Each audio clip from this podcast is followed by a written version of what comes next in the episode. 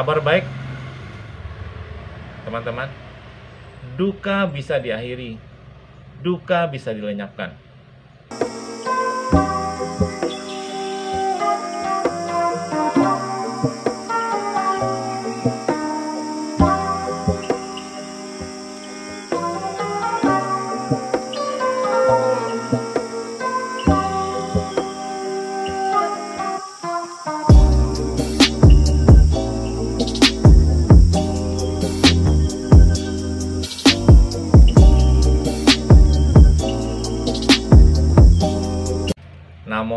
Sangyang Adi Budaya, Namo Budaya. Bapak Ibu, saudara-saudari sedharma yang berbahagia. Di dalam kesempatan yang baik ini, izinkan saya untuk berbagi dharma kepada Anda semua. Tentang benarkah agama Buddha adalah agama yang pesimis? Seringkali teman-teman saya bertanya, mengapa agama Buddha selalu berbicara tentang penderitaan? Apakah hidup ini cuma penderitaan aja? Kapan dong kita hidup berbahagia? Bapak Ibu, saudara-saudari sedharma yang berbahagia. Tidak ada satupun makhluk hidup yang ingin hidup menderita. Semua makhluk ingin hidup berbahagia kita semua ingin hidup berbahagia. Untuk berbahagia, terlebih dahulu kita harus mengenal penderitaan. Kita harus bisa melenyapkan penderitaan kita. Di dalam Dhammacakka Pawatana Sutta, Buddha Gotama membabarkan tentang empat kebenaran Arya atau empat kebenaran mulia. Kebenaran mulia yang pertama adalah kebenaran mulia tentang duka. Hidup adalah duka. Hidup adalah penderitaan. Kelahiran, sakit, usia tua, dan kematian adalah penderitaan. Berpisah dengan orang yang kita sayangi, kita menderita berkumpul dengan orang yang tidak kita sukai, kita pun menderita. Tidak memperoleh apa yang sangat kita dambakan, kita menderita. Putus asa, keluh kesah, ratap tangis dan kesedihan adalah penderitaan. Semua makhluk mengalami penderitaan. Kita semua pernah mengalami penderitaan ini. Kita semua mengalami penderitaan. Penderitaan tidak bisa kita hindari. Lantas, kenapa saya menderita? Dari mana asal penderitaan ini? Di dalam kebenaran mulia yang kedua, Buddha menyatakan kebenaran tentang asal duka. Kebenaran mulia tentang sebab duka atau duka samudaya. Apa yang menyebabkan kita menderita? Berasal dari mana penderitaan ini? Yang menyebabkan penderitaan kita adalah nafsu keinginan kita atau tanha. Nafsu keinginan kita yang tidak pernah terpuaskan. Nafsu keinginan kita akan kenikmatan indera. Nafsu keinginan kita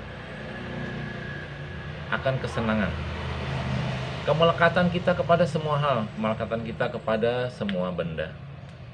Inilah yang menyebabkan kita menderita.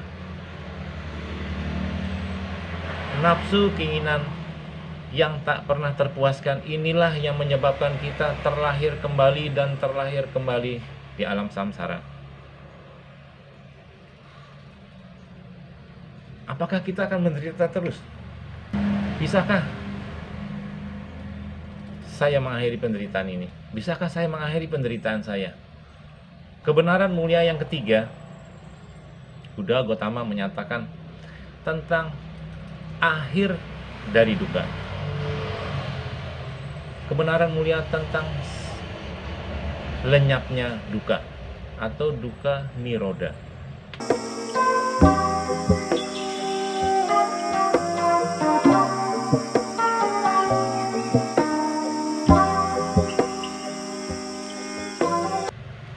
Kabar baik,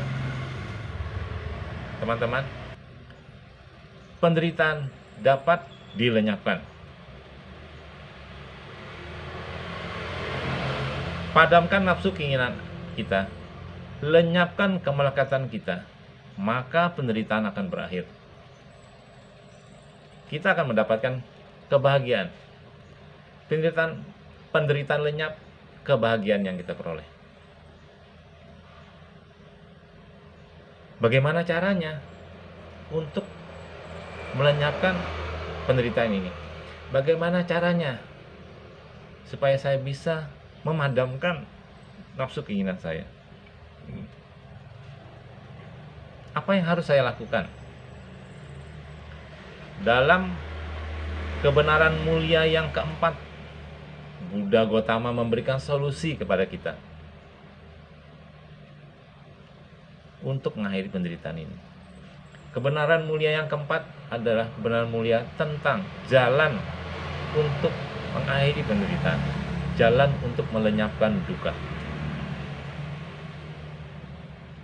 Apa itu? Yaitu jalan mulia berunsur delapan. Dengan mempraktekkan jalan mulia berunsur delapan, maka penderitaan kita akan lenyap nafsu keinginan akan padam. Jalan mulia berunsur delapan adalah yang pertama pandangan benar, yang kedua pikiran benar, yang ketiga perkataan benar, yang keempat perbuatan benar, yang kelima pencaharian benar, yang keenam adalah upaya benar, yang ketujuh perhatian benar, dan yang kedelapan konsentrasi benar. Dengan kita mempraktekkan delapan jalan utama ini, nafsu keinginan kita akan lenyap, kemelakanan kita akan padam.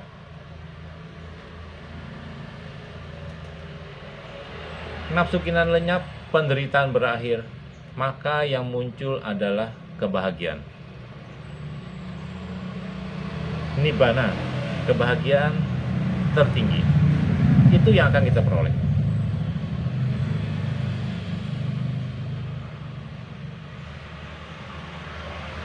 Empat, kebenaran mulia ini diajarkan oleh Buddha Gautama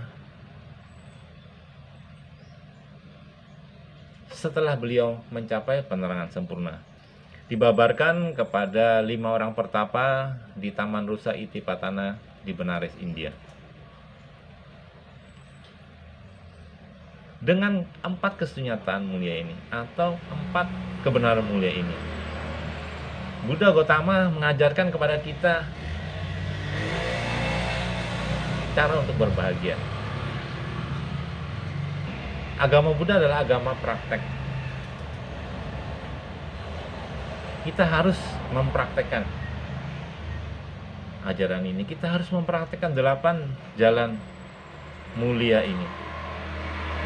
Yaitu pandangan benar, pikiran benar, perkataan benar, perbuatan benar pencaharian benar, upaya benar, perhatian benar, dan konsentrasi benar. Delapan jalan utama ini, delapan jalan mulia ini sering disingkat dengan sila, samadhi, dan panya. Dengan kita terus-menerus mempraktekkan sila, samadhi, dan panya, maka penderitaan akan lenyap dan kita semua akan mendapatkan nibana. Nibana para mangsukang, Nibbana adalah kebahagiaan tertinggi.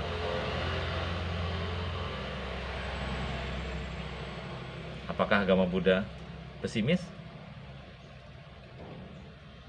Jika seandainya Buddha Gotama hanya menyatakan hidup adalah duka, hidup adalah penderitaan,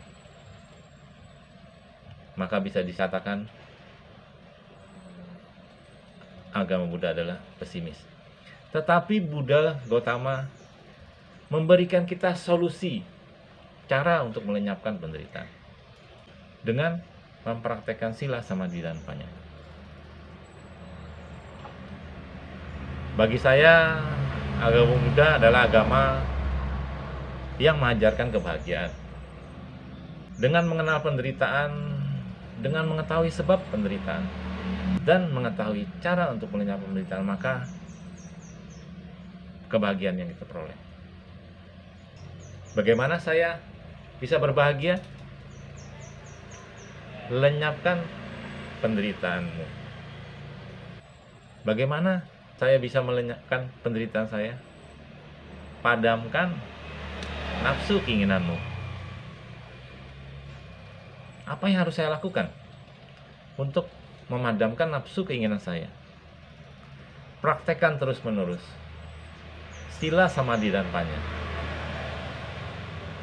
Maka kita akan mendapatkan nibbana.